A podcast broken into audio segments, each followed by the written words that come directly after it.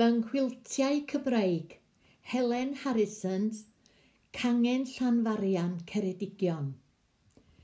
Ers blynyddoedd, dwi wedi defnyddio hen gwilt ar fy ngwely.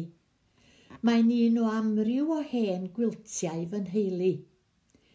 Mae'r gweddill yng nghanolfan y Gymdeithas Gwiltiau sydd yng nghanolfan celfyddydau Minerva, Llanidloes.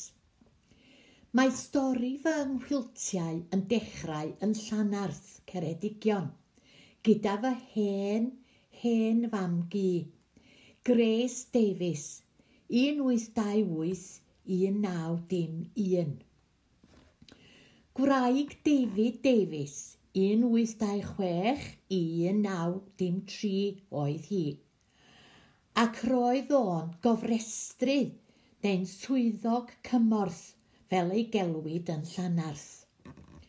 Dywedodd yn heili fod Gres yn dioddef llawer iawn o'r cryd cymalau pan oedd hi'n hen.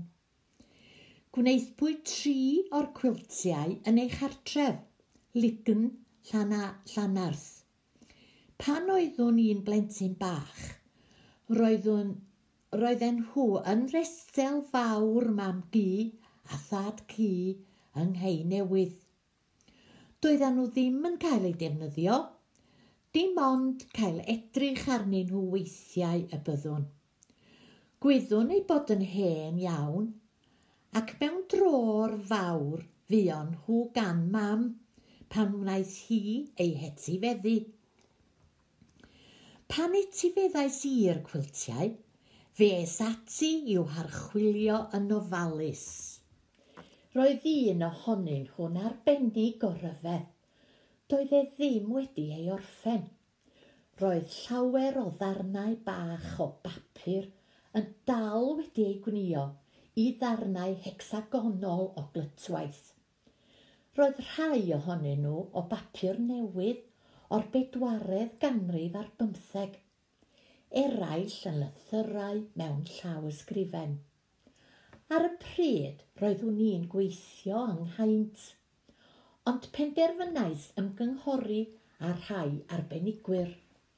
Cysylltais â'r ganolfan yn Llanidloes. Roedd ganddyn nhw ddiddordeb mawr. Gyrraedd o gaint gyda dau o'r cwiltiau, a phan ddywedodd y ganolfan wrtha i, ei bod am astudio'r cwiltiau ymhellach roeddwn i wrth fy modd. Darganfu'r ganolfan bod y cwilt, neu'r clytwaith, hecsagonau heb ei orffen, yn arbennig o ddiddorol, gan ei fod yn cynnwys cymaint o enghreifftiau da o ffabrigau, ffabrigau'n dyddio o 1810 i 1830 nid yw'r rhaid wedi pylu gan na orffenwyd y gwaith, ac fe'i rhoddwyd i gadw am ddegawdau. Mae llawer o'r papurau a'r bras bwysau, a oedd yn ei cadw yn ei lle hefyd, yn dal i fod yno. Mae'r pwytho i gyd wedi wneud â llaw. Ysgrifennwyd y dyddiad Seithfad ar hugian o fedi 1782 mewn inc ar un o'r papurau. Mae marc post ar bapur arall yn nodi'r dyddiad 1832. Yn ôl y ganolfan, dimiti gwyn, sef defnydd gwaed streipiog yw'r cefndir ac ymhlith hecsagonau eraill, mae enghraifft o ddefnydd gan gynnwys dyluniad Lane's Nest. Enghraifft pwnsh, patrwm crwydrol, dotwaith, print lapis ac arddull ombr neu enfys. Cwrlig bwrdd neu lliau'n bwrdd yw'r cwilt arall – oedd yn boblogaidd yn oes y Frenhinas Victoria, tua diwedd y bedwaredd ganrif ar bymtheg. Cwilt gyda chlytwaith caban pren a dyluniad, heilwen a chysgod. Mae'r caban pren wedi ei lunio o ffabrigau amrywiol, gan gynnwys darnau sidan, satin, melfed a gwlân mewn lliwiau amrywiol. Mae'r clytwaith wedi glymu yn y ffabrig ar y cefn.